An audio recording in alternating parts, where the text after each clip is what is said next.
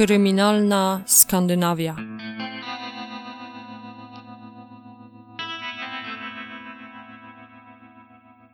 Ten podcast zawiera opisy brutalnych przestępstw i może nie być odpowiedni dla małoletnich słuchaczy.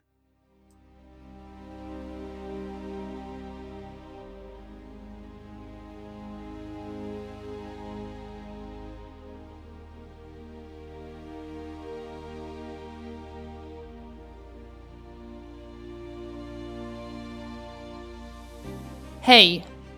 Zanim zaczniemy dzisiejszy odcinek, chciałabym Wam podziękować za wszystkie komentarze, subskrypcje i wsparcie, jakie mi okazujecie.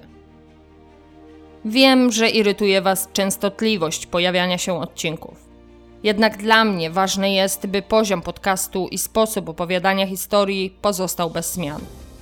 Tutaj nie karmię Was spekulacjami i moimi przypuszczeniami. Nie usłyszycie mojej opinii na tematy, o których opowiadam. Tutaj również nie nauczycie się mówić po polsku, chyba że dzięki wyłapywaniu błędów, które popełniam. Usłyszycie za to historie i szczegóły, których najprawdopodobniej jeszcze nigdy nie słyszeliście.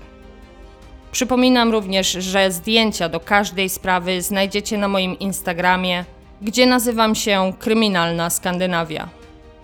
Miłego słuchania.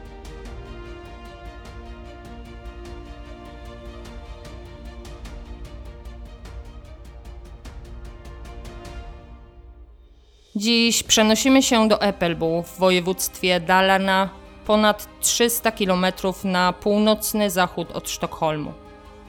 Eppelbu to niewielka miejscowość położona niedaleko autostrady E16. Najbliższe miasteczko Vansbro znajduje się 15 km dalej. Jak na typowo szwedzką wieś przystało, większość domków w okolicy jest czerwonych z białymi framugami i kantami. Jest piątek 11 lipca 2003 roku. Z policją kontaktuje się 38-letni Jan Erik Brandt.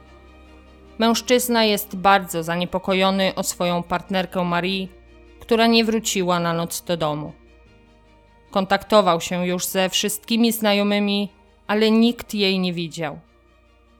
Jan i Erik opowiada, że poprzedniego dnia byli na koncercie rockowym w Vansbro ze znajomymi. Do domu wrócili około godziny drugiej nad ranem. Kilka minut później Marie wyszła z domu po tym, jak między parą doszło do drobnej sprzeczki. Chodziło o to, że zapomnieli nakarmić psy. Jan i Erik mówi, że Marie, oburzona jego zgryźliwym komentarzem, wyszła z domu trzaskając drzwiami. Rankiem, gdy nadal nie wróciła, zadzwonił do jej przyjaciółki, u której czasami nocowała. Gdy się dowiedział, że jej tam nie było, bardzo się zaniepokoił. Nigdy wcześniej nie zdarzało się, by Marie znikała w ten sposób.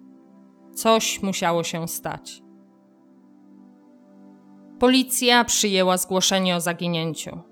Pierwsze czynności, jakie podjęto, to sprawdzenie, czy 27-latka nie ukrywa się i celowo unika kontaktu z partnerem. Skontaktowano się z jej rodziną i znajomymi, by sprawdzić, czy kobieta faktycznie zaginęła. Często zdarza się, że po zgłoszeniu zaginięcia przez męża lub partnera kobieta odnajduje się u rodziny. Jako, że Jan i Erik wspomniał, że się pokłócili, Warto było sprawdzić ten trop. Marii nie ukrywała się jednak u nikogo z rodziny lub znajomych. Z rozmów, jakie z nimi przeprowadzono, wynikało, że była bardzo odpowiedzialną matką dwójki małych dzieci i nigdy nie zdarzało jej się po prostu nie wrócić do domu bez powiadomienia o tym kogoś z rodziny. Standardowo zapytano również o to, czy w ostatnim czasie nie borykała się z jakimiś problemami. W jednym z artykułów Svenska Dagbladet policjant Anders Leicht przyznał, że aż 25% akcji poszukiwawczych prowadzonych w Szwecji to te, w których zaginieni zmagają się z depresją. Po rozmowach z rodziną policja jednak wyklucza tę ewentualność. Marii nie miała powodów, by zniknąć z własnej woli. W ostatnim czasie nie wykazywała żadnych sygnałów depresji. Wręcz przeciwnie. Była pozytywna i uśmiechnięta jak zawsze. Zeznania rodziny i znajomych potwierdzają niepokój jej partnera. Nagłe zniknięcie jest bardzo nietypowe dla Marii.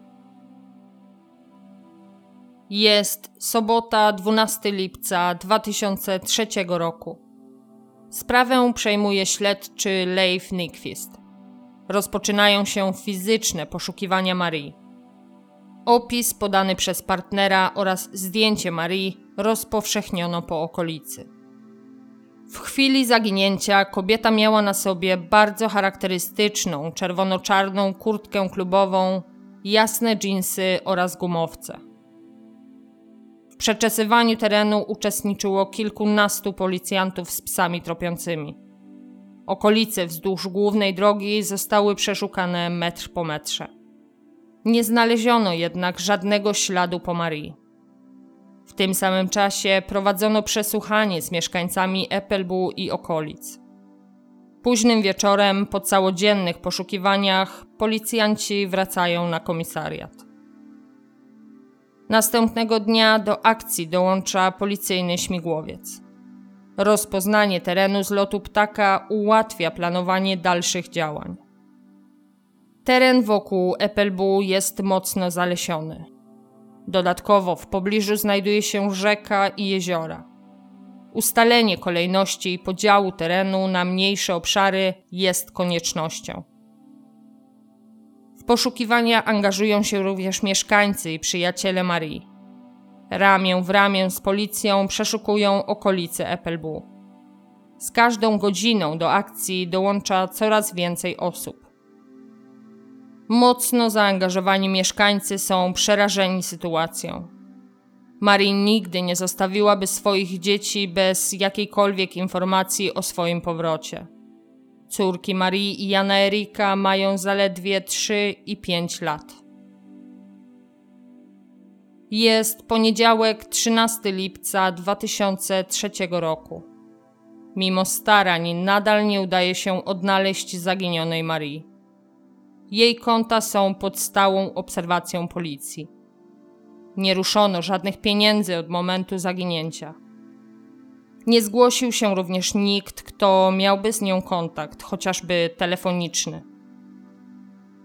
Partner Marii spotyka się z dziennikarzami gazety Expressen. Trzymając w ręce zdjęcie zaginionej, błaga o pomoc.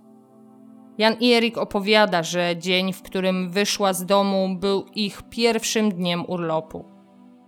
Po południu zostawili dzieci u dziadków, by wieczorem ze znajomymi udać się na koncert rockowy w Wanspru. Do domu wrócili około drugiej nad ranem.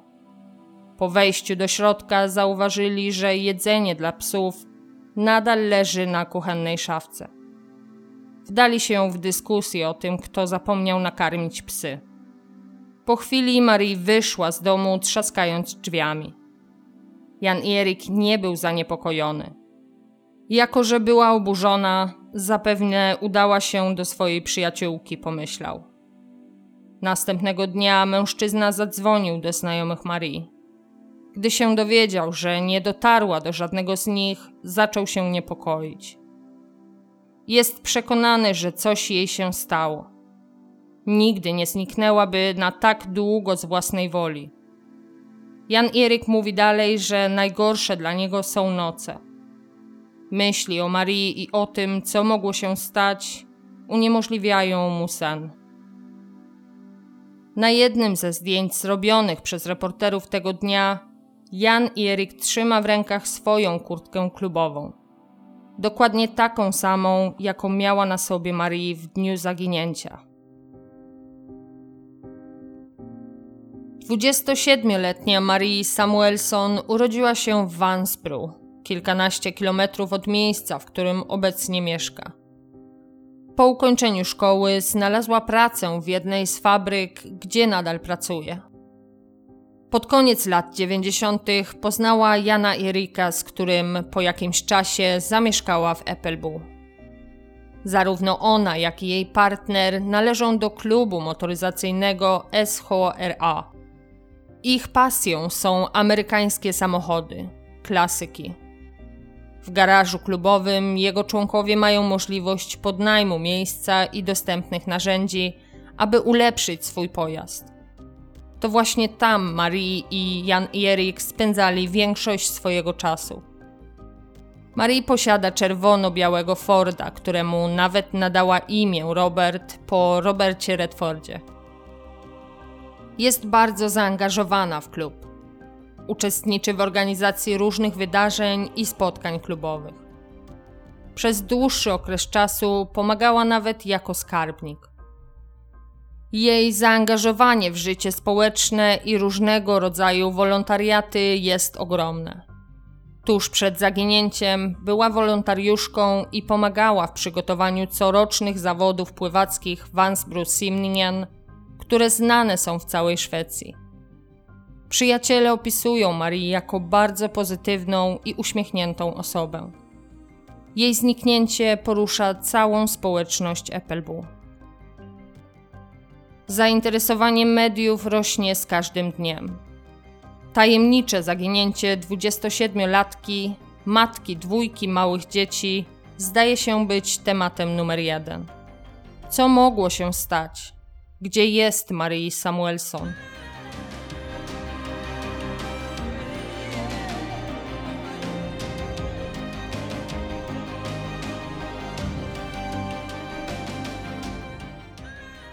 Dni mijają, a fizyczne poszukiwania nie dają rezultatów. W okolicach Eppelbu nie odnaleziono żadnych śladów, które pomogłyby w dalszych poszukiwaniach. Konta kobiety nadal pozostają nienaruszone. Nadzieja na to, że Marie żyje, powoli odchodzi. Jeden z przyjaciół przyznał w dokumencie Svenska Fal telewizji trzeciej, że chciał wierzyć do końca, że Marii się odnajdzie. Po pewnym czasie jednak zrozumiał, że szukają ciała. Do Vansbru przyjeżdżają doświadczeni śledczy ze Sztokholmu, by pomóc w sprawie. Nic nie wskazuje na to, że Marie z własnej woli unika kontaktu z rodziną, wręcz przeciwnie. Rodzina kilkakrotnie podkreślała, że Marie nigdy nie zostawiłaby swoich dzieci na tak długo. Przekonanie policji, że dziewczyna padła ofiarą uprowadzenia lub zabójstwa sprawia, że taką właśnie klasyfikację przybiera dalsze śledztwo. Tydzień po zaginięciu kobiety na miejsce przybywają nurkowie. Jeden z mieszkańców był przekonany, że w jeziorze zauważył ludzkie zwłoki. Specjalnie szkolone psy tropiące, których zadaniem jest precyzyjna lokalizacja zwłok, to doskonała pomoc podczas tego typu poszukiwań. Psy te mają zdolność odnalezienia zwłok zarówno jeśli są zakopane w ziemi, jak i te znajdujące się w wodzie. Tak właśnie było w przypadku poszukiwań Marii. Psy tropiące towarzyszyły policji na łodzi, próbując odnaleźć zapach zwłok, w czasie gdy nurkowie sprawdzali dno jeziora. Całodzienna akcja nie przyniosła jednak żadnych efektów. Nie znaleziono żadnej nowej wskazówki dotyczącej zaginionej Marii. W dotychczasowych przesłuchaniach wyszło na jaw, że partner Marii był porywczym typem człowieka. Wiele osób zeznało również, że ją kontrolował. Chciał wiedzieć, co robi, z kim się spotyka. Jego zachowanie po zaginięciu Marii było na tyle nietypowe, że śledczy zaczęli go podejrzewać o to, że wie, co się z nią stało. Podczas gdy całe Eppelbu szukało kobiety, Jan i Erik prowadził poszukiwania na własną rękę. Jeździł sam w okolice, które w ogóle nie były brane pod uwagę przez śledczych lub znajomych Marii. Skontaktował się nawet z wróżką, która twierdziła, że Marie ma się dobrze i przebywa w białym domu w miejscowości Łombery. Starał się przekonać wielu do tego, że wróżka ma rację. Pojechał tam nawet, by szukać Marii. Śledczy powoli kierowali pytania w kolejnych przesłuchaniach tak, aby dowiedzieć się więcej o Janie Eryku i relacji, jaka była pomiędzy nim i Marii. Po przeprowadzeniu niemal 200 przesłuchań wychodzą na jaw nowe fakty. W 2001 roku Jan Erik został dwukrotnie skazany za pobicie Marii. Raz Jan Erik bił ją, trzymając na rękach ich córkę. Kobieta zwierzyła się jednej z przyjaciółek i pokazała ranę na głowie. Zrobiła również zdjęcia, jednak po jakimś czasie Jan Erik je usunął. Rok przed zaginięciem para rozstała się. Jan Erik związał się z inną kobietą. Znajomy z klubu motoryzacyjnego wspomina ten czas, gdy Marie i Jan Erik nie byli razem. Wyraziła się nawet, że ich rozstanie nie jest dobre dla dzieci, ale przynajmniej żyje. Znajomy myślał, że był to spontaniczny żart. Po jakimś czasie para pogodziła się i doszli do porozumienia. Wszystko wskazywało na to, że między nimi jest już dobrze. Śledczy przesłuchali również poprzednie partnerki Jana i Erika. Zeznawały one o porywczości mężczyzny. Kilkakrotnie zdarzało się, że używał wobec nich przemocy. Te informacje sprawiają, że policjanci podejmują decyzję o podsłuchu telefonu Jana i Erika. Zorganizowano również grupę, która zaczęła śledzić mężczyznę. Nadzieja na to, że Jan Erik popełni błąd i doprowadzi śledczych do miejsca, w którym ukrył zwłoki, rośnie z każdym dniem. Śmiałym posunięciem była również sugestia, jaką pozostawiono w prasie, że policja ma trop. Nie była to prawda. Informację opublikowano z nadzieją, że mężczyzna w jakiś sposób wyda miejsce, w którym znajduje się Marie. W rozmowach telefonicznych Jan Erik wyśmiewa działania policji. Wyraził nawet swoje przekonanie o tym, że prowadzący tą sprawę Leif Nyquist nigdy jej nie rozwiąże. Z obserwacji wynika również, że nie opłakuje on swojej partnerki. Nie wykazuje żadnych emocji w związku z jej zaginięciem, co dla śledczych jest sygnałem alarmowym. Zamiast tego spędza coraz więcej czasu dzwoniąc na przeróżne seks telefony. Podczas kolejnych rozmów z policją próbuje przekonać ich do teorii, że Marie została porwana. Spekulacje z jego strony nie mają końca. Nie ma on jednak żadnych podstaw, by poprzeć swoje słowa. Mimo podejrzeń, śledczy nie mają dowodów, że Jan i Erik popełnił przestępstwo. Ich przeczucie, że mężczyzna ukrywa prawdę, rośnie z każdym dniem. Ponownie przeanalizowano dzień, w którym zaginęła kobieta. To, co z całą pewnością udało się ustalić, to fakt, że Marie i Jan i Erik wrócili z koncertu po godzinie drugiej. Przyjaciele odwieźli ich pod sam dom. Następnego dnia po południu mężczyzna zaalarmował przyjaciół o tym, że Marie nie wróciła do domu po kłótni. Śledczy wnioskują, że jeśli to on stoi za jej zaginięciem, nie miał zbyt wiele czasu na to, by pozbyć się ciała. Z pomocą ochotników przeszukano już niemal całą okolicę Epelbu i nie znaleziono ani ciała, ani żadnej innej wskazówki. Pozostało jedno miejsce, które nie zostało gruntownie sprawdzone. Posiadłość, w której mieszkała Marii z Janem i Rykiem. Jest 11 września 2003 roku. Po wielogodzinnych rozmowach z policją, prokuratura decyduje się przejąć śledztwo. W Szwecji wstępnie sprawę prowadzi policja. Prokuratura przejmuje ją w momencie, gdy udaje się ustalić podejrzanego. Według śledczych prowadzących sprawę Marii Samuelson została ona zamordowana, a Jan Erik jest jedyną osobą, która mogła dokonać tego czynu. Pięć dni później, 16 września 2003 roku, Jan Erik udał się jak co dzień do pracy. O godzinie 8.25 pojawia się policja i dokonuje zatrzymania mężczyzny. W tym samym czasie grupa 12 techników kryminalnych z kilku województw rozpoczyna przeszukiwanie jego posiadłości. Powodem, dla którego wezwano aż 12 techników, był czas. Po przesłuchaniu Jana i Erika, prokuratura decyduje się go tymczasowo aresztować. Od tego momentu, trzeciego dnia o godzinie 12, jeśli nie uda się odnaleźć żadnych dowodów przeciwko podejrzanemu, musi on zostać wypuszczony. Posiadłość, w której mieszkają Jan, Eryk i Marie, to kompleks budynków, zarówno mieszkalnych, jak i produkcyjnych. Dawniej znajdował się tutaj warsztat stolarski.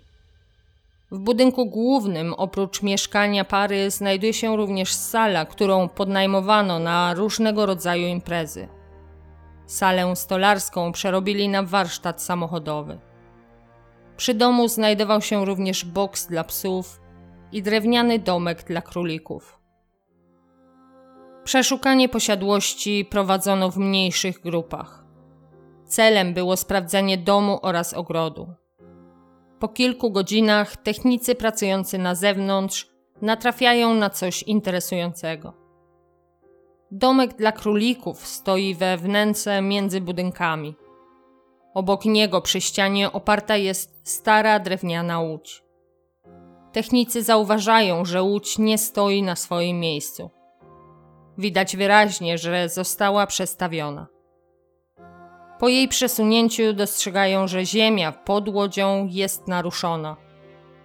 Za pomocą długich rurek przebijają glebę, by sprawdzić, czy coś znajduje się pod nią. Po chwili czują wyraźny zapach, który jest im dobrze znany. Zapach, który jest specyficzny dla rozkładających się zwłok. Z całą pewnością pod ziemią znajduje się ciało. Dopiero następnego dnia udaje się dotrzeć do znaleziska. Aby to zrobić, trzeba było ostrożnie usunąć ziemię centymetr po centymetrze. Mozolna praca przyniosła jednak efekty. Oczom techników ukazało się skrupulatnie zawiązane taśmą zawinięte w czarne worki ciało. Rozmiarem odpowiada ono zaginionej Marii. Nie ma jednak pewności, że to ona. Wszystko rozjaśni obdukcja. Zaraz po potwierdzeniu, że w ogrodzie znajdują się zwłoki, Leif Nikvist udaje się do aresztu w Borlenie, by przesłuchać Jana Erika. Powoli wyjaśnia, że technicy znaleźli zakopane w ogrodzie ciało. Mężczyzna bez większych emocji stwierdza, że to brzmi nieprawdopodobnie. Dodaje również, że całkowicie wypiera się winy. Leif Nikvist wspomina w programie Svenska Fall telewizji trzeciej, że Jan Erik starał się odegrać rolę zaskoczonego odkryciem. Nie wykazywał przy tym jednak żadnych emocji. Następnego dnia Jan i Erik staje przed sądem, który ma zadecydować o dalszym aresztowaniu. Jako, że w jego ogrodzie odnaleziono zwłoki, zwiększa się stopień podejrzenia. Nie ma wątpliwości, że areszt tymczasowy zostanie przedłużony o 14 dni. Jan Erik Brandt dostaje adwokata z urzędu, który komentuje aktualne wydarzenia, mówiąc, że jego klient nadal żywi nadzieję, że Marii odnajdzie się cała i zdrowa. Nie wierzy, by odnalezione zwłoki należały do niej. W czasie, gdy prowadzone były dalsze przesłuchania, ciało zostało przewiezione do Uppsali. Podczas obdukcji obecny był również jeden z techników kryminalnych, który pomagał w uwolnieniu ciała. Okazało się, że pod czarnymi workami był jeszcze dywan. Wokół szyi ofiary ciasno przewiązany był kabel telefoniczny.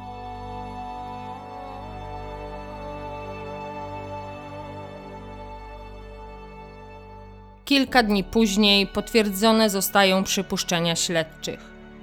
Ciało z całą pewnością należy do zaginionej ponad dwa miesiące wcześniej Marii Samuelson. Przyczyną śmierci było uduszenie. Informacje od patologa zdecydowanie obciążają przebywającego w areszcie Jana Erika. On jednak nadal zaprzecza, że miał cokolwiek wspólnego ze śmiercią Marii. Jak mantrę powtarza, że wyszła z domu po kłótni i już nie wróciła. Przyznanie się do winy znacznie ułatwiłoby pracę techników i prokuratury. Są jednak przekonani, że skrupulatna praca pomoże im udowodnić, że Jan i Erik Brand zabił swoją partnerkę. Zebrane materiały zostały wysłane do Centrum Kryminalistycznego. Ich analiza przeciąga się jednak w czasie. Wszystko przez to, że priorytet ma inna sprawa. 11 września 2003 roku w centrum Sztokholmu zamordowana została minister spraw zagranicznych Anna Lind. Kiedyś z pewnością usłyszycie i tą historię na moim kanale. Jest 27 luty 2004 roku. Prokuratura składa akt oskarżenia do sądu w Mura. Dowody, jakie do tej pory udało się zebrać, dają prokuraturze przewagę w sprawie. Specjaliści w laboratorium potrafili udowodnić, że worki na śmieci, którymi owinięta była ofiara, pochodzą z rolki, która znajdowała się w domu Jana i Rika. Porównano ślady w miejscu styku worków i dowiedziono, że pochodzą z jednej i tej samej rolki. W mieszkaniu znaleziono również identyczną taśmę jak ta, którą oklejono zwłoki. Podczas przeszukiwania warsztatu technicy zabezpieczyli kurtkę klubową. Była dobrze schowana w jednej ze skrzyń z narzędziami, na której postawiono kilka innych skrzynek. Jako, że Jan Erik od początku twierdził, że Marie miała ją na sobie, gdy po raz ostatni widział ją przy życiu, znalezisko obciąża go jeszcze bardziej. Najmocniejszym dowodem jest jednak odcisk palca znaleziony na taśmie, którą owinięte było ciało Marii. Należy on do Jana Erika. 3 marca 2004 roku rozpoczął się dziesięciodniowy proces w sądzie rejonowym w Mura. Jan Erik Brandt został oskarżony o zabójstwo Marii Samuelson, do którego doszło w nocy z 10 na 11 lipca 2003 roku. W oparciu o wyniki sekcji zwłok i opinię z zakresu medycyny sądowej prokurator ustalił, że śmierć ofiary była długotrwałym procesem. Oskarżony zadał ofierze dodatkowe cierpienie, zarówno psychiczne, jak i fizyczne, które nie były niezbędne do pozbawienia jej życia. W Polsce mówi się wtedy o zabójstwie ze szczególnym okrucieństwem. Prokuratura przedstawiła dowody, jakie udało się zabezpieczyć. Podczas procesu wyświetlono również film z obdukcji przedstawiający walkę lekarza i technika z kablem, który był ciasno owinięty wokół szyi ofiary. Zdjęcia z obdukcji były przerażające. Oskarżony przez cały czas trwania filmu patrzył w swój notes, nie wykazując zbyt wiele emocji. Jan Erik nie przyznał się do winy. Z pomocą swojego adwokata starał się przekonać sąd, że morderca nadal jest na wolności. Dowody, jakie przedstawiła prokuratura, skomentował, pochodzą z ich śmietnika. Dywan, taśma, worki wszystko to było w pomieszczeniu, gdzie trzymali śmieci i do którego każdy mógł mieć dostęp. Ktoś dokonał morderstwa tej nocy i zakopał ciało, podczas gdy on spał. Odnaleziona przez techników kurtka klubowa nie należała do Marii. Należała do niego, miał dwie. Schował jedną, bo do tej pory za nią nie zapłacił. Mimo, że jego historia jest niemal nieprawdopodobna, prokuratura musi udowodnić, że oskarżony kłamie. Podczas gdy mijają kolejne dni procesu, prowadzone są analizy zakupu wszystkich kurtek klubowych. Skontaktowano się z producentem, który wykazał, że kurtek było 19 sztuk. Ponownie przesłuchano członków klubu. Wszyscy pokazali się w sądzie w swoich kurtkach. Dowiedziono, że 17 z nich ma swoich właścicieli. Numer 18 należał do oskarżonego, a odnaleziona w jego warsztacie kurtka numer 19 musiała być własnością zamordowanej Marii Samuelson. Podczas rozprawy przeprowadzono również wizję lokalną w Eppelbu, gdzie mieszkała zamordowana i oskarżony. Zrobiono to na prośbę prokuratury, która chciała udowodnić, że niemożliwością jest, by ktoś inny dokonał zbrodni i zakopał zwłoki, podczas gdy Jan Erik spał. Sąd zdaje się nie mieć wątpliwości co do winy oskarżonego. Zostaje on jednak wysłany na badania psychiatryczne. Dla sądu ważne jest ustalenie stanu zdrowia psychicznego oskarżonego w momencie popełnienia zbrodni, by móc wydać poprawny wyrok. 3 maja 2004 roku przychodzi odpowiedź. Z opinii biegłych psychiatrów badających Jana Erika wynika, że oskarżony w chwili popełnienia zbrodni był poczytalny i może odpowiadać przed sądem za czyny objęte aktem oskarżenia. 14 maja 2004 roku sąd pierwszej instancji ogłasza wyrok. Jan Erik Brandt zostaje skazany za morderstwo i dwa przypadki pobicia na karę dożywotniego pozbawienia wolności. Dodatkowo przyznano 200 tysięcy koron odszkodowania dla córek Marii Samuelson, które ma zapłacić Jan Eryk. W uzasadnieniu wyroku sąd podkreślił, że Jan Erik Brandt dokonał zabójstwa ze szczególnym okrucieństwem. Cierpienie ofiary było długotrwałe, a oskarżony miał czas na refleksję, która uratowałaby jej życie. Sposób, w jaki pozbył się ciała, świadczy o tym, że działał z zimną krwią, a późniejsze zaprzeczenia potwierdzają, że nie żałuje tego, co zrobił. Po rozprawie adwokat z urzędu reprezentujący Jana Erika składa wniosek do sądu, w którym wypowiada się z jego obrony. Powodem były trudności we współpracy ze swoim klientem. Kilka dni później nowy obrońca Jana Erika składa apelację. We wniosku domaga się całkowitego uniewinnienia jego klienta z zarzutu zabójstwa.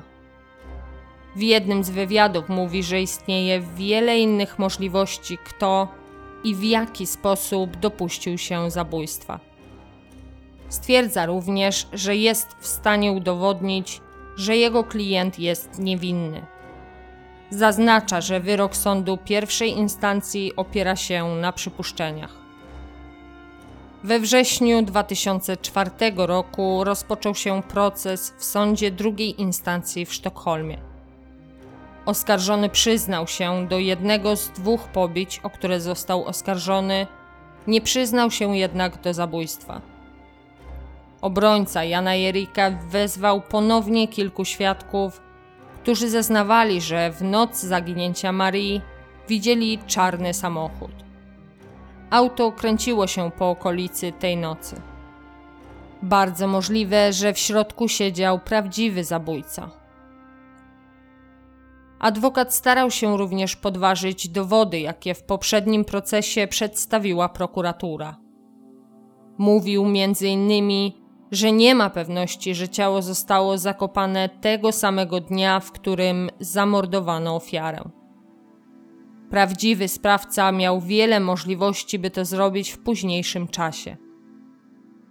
Zaprezentował również sposób, w jaki odcisk palca z taśmy, która należała do oskarżonego, trafił na kawałek znaleziony na workach, którymi owinięte były zwłoki. Jan Erik używał taśmy do innych rzeczy. Podczas odcinania kawałka pozostawił swój odcisk na rolce, która później została użyta przez sprawcę. Odniósł się również do pobić, o które został oskarżony jego klient. Jego zdaniem oba przypadki uległy już przedawnieniu i nie powinny być brane pod uwagę w tym procesie. Sąd nie dał wiary opowiadaniu obrońcy. Mimo ogromnego wysiłku z jego strony, nie potrafił podważyć dowodów, jakie zebrano przeciwko oskarżonemu. Sąd w Sztokholmie podtrzymał poprzedni wyrok. Jan Erik Brandt został przewieziony do aresztu śledczego w Falun, gdzie oczekiwał na umieszczenie w zakładzie karnym. 29 września 2004 roku Jan Erik niespodziewanie prosi policję o spotkanie. Podczas rozmowy ze śledczymi przyznaje się do zabójstwa Marii Samuelson. Tego wieczoru, w którym doszło do tragicznych wydarzeń, Jan i Erik i Marii po powrocie z koncertu wdali się w dyskusję. Zaczęło się od jedzenia dla psów, które nadal leżało na kuchennej szafce. Zapomnieli nakarmić zwierzaki, co mocno zirytowało mężczyznę. Kłótnia przeniosła się do sypialni. Jan Erik w nerwach sięgnął po kabel od leżącego na szafce telefonu. Owinął nim szyję Marii, a po chwili zorientował się, że kobieta nie żyje. W panice zawinął jej ciało w dywan, a następnie zakopał za domem.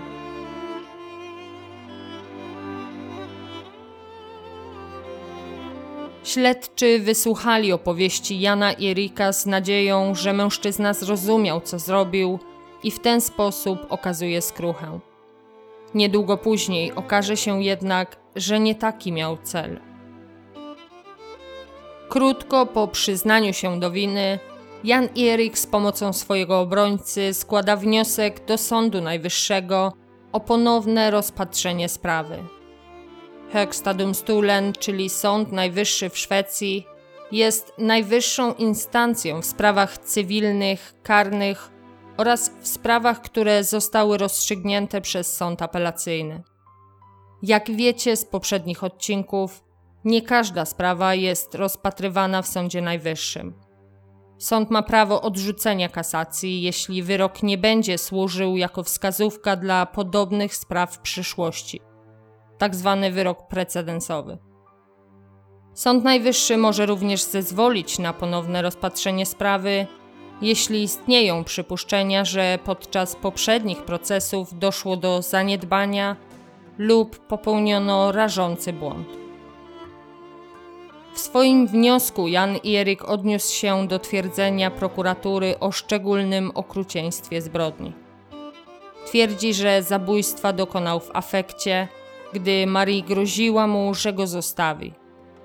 Jej śmierć nie była długim procesem, jak twierdziła prokuratura, a wypadkiem. W nerwach sięgnął po kabel telefoniczny i przerzucił przez jej szyję.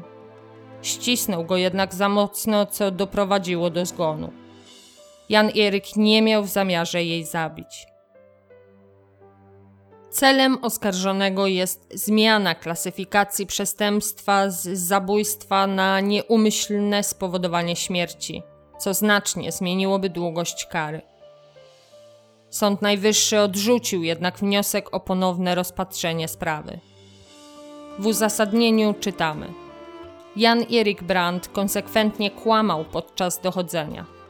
Sam dobrze wie, co zrobił, dlatego uważamy, że jego zmieniona historia jest jedynie kolejną próbą manipulowania systemu prawnego aby móc uniknąć kary, która jest odpowiednia do czynu, którego się dopuścił. Dla Jana Erika oznacza to, że nie ma już możliwości odwołania się od wyroku dożywocia. 28 listopada 2004 roku Gazeta Codzienna Expressen opublikowała artykuł, w którym Jan Erik stwierdza, że jego przyznanie się do winy było nieprawdziwe. Czuł się zmuszony to zrobić, gdy zdał sobie sprawę, że nie ma innego wyjścia. Wiedział, że jeśli się przyzna, będzie miał szansę na złagodzenie wyroku. W wywiadzie dla Expressen opowiada, że podczas procesu przyjaciółki Marii zrobiły z niego damskiego boksera, co nigdy nie miało miejsca. Tylko raz podniósł na nią rękę i nie było to absolutnie pobicie, a drobne uderzenie w twarz. Nie rozumie, dlaczego został skazany za pobicie. Gdy dotarło do niego, że wyrokiem sądu może spędzić w więzieniu długie lata, zdesperowany złapał się ostatniej deski ratunku, którą było przyznanie się do winy. W ten sposób mógłby wyjść na wolność po pięciu latach. Wszystko to robił z myślą o swoich dzieciach. Nie chciał, by zostały bez rodziców. Fałszywe według niego przyznanie się do winy nie pomogło jego sprawie, dlatego wycofał zeznania. Cała sprawa jest ogromnym błędem, a on niewinnie odsiaduje wyrok dożywocia. Rok po śmierci Marii Samuelson, przyjaciele z klubu motoryzacyjnego zorganizowali wyścig samochodowy ku jej pamięci, podczas którego zebrano sporą sumę pieniędzy. Cała kwota została przeznaczona na otwarcie ośrodka, którego głównym celem jest pomoc krzywdzonym kobietom. Marie Memorial Race przez 10 lat, w których się odbywał, był bardzo popularnym wydarzeniem, dzięki któremu zebrano ponad milion koron szwedzkich. Cała kwota została przeznaczona na cele charytatywne, głównie wspierające pomoc dla kobiet dotkniętych przemocą w związkach. W roku 2013, po odbyciu 10 lat w więzieniu, 48 już letni Jan Erik złożył wniosek do sądu w Orebru o ustalenie długości kary. Jak pamiętacie z poprzednich odcinków, dożywocie w Szwecji wcale nie oznacza, że skazany spędzi w więzieniu resztę życia. Krajowa Rada do Spraw Medycyny Sądowej wyraziła jednak opinię, która przyczyniła się do odrzucenia wniosku. Według nich ryzyko, że mężczyzna ponownie dopuści się przestępstwa, jest zbyt duże. Przemoc, której się dopuścił zarówno wobec Marii, jak i innych partnerek, z którymi był w związku, może powrócić. Nawiązano również do zabójstwa i faktu, że czas, który minął, zdecydowanie nie jest wystarczającą karą dla niego. W roku 2016 oraz 2018 Jan Jerik ponownie starał się o ustalenie wyroku.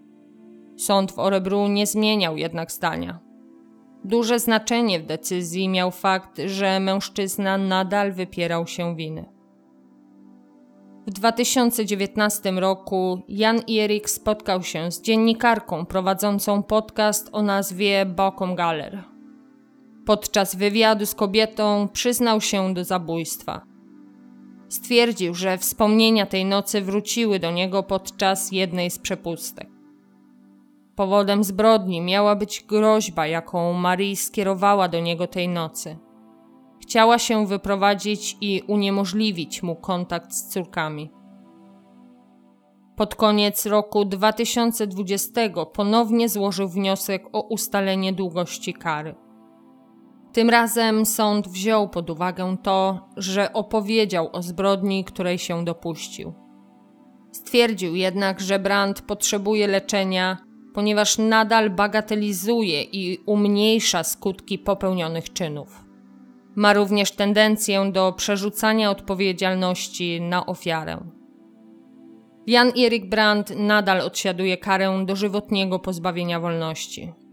Otwarty zakład karny, w którym obecnie przebywa, znajduje się niedaleko Mariestad.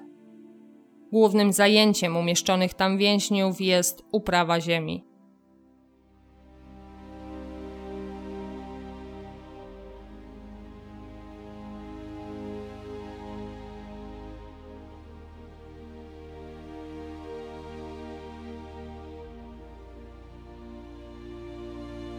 Poszukiwania 27-letniej Marii Samuelson trwały 66 dni.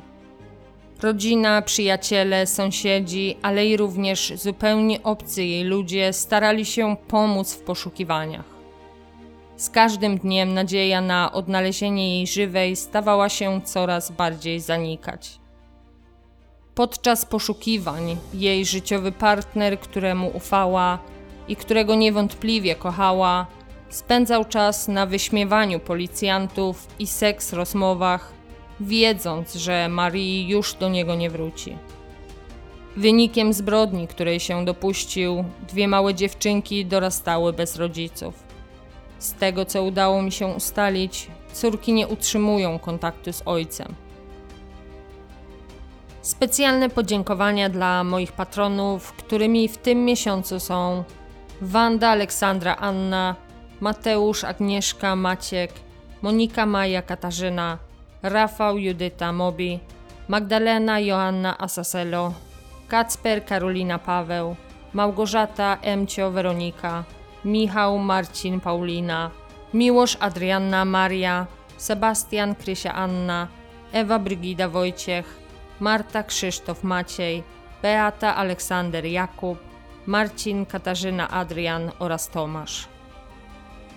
Dzięki wielkie za cierpliwość i za to, że czekacie na kolejne odcinki. Wiem, że kiedyś byłam bardzo przeciwna reklamom na YouTubie, jednak stwierdzam, że ta forma wsparcia jest dla Was zupełnie darmowa. Dodałam również opcję PayPal Me dla tych, którzy nie przepadają za Patronite. W opisie znajdziecie niezbędne linki. Do usłyszenia.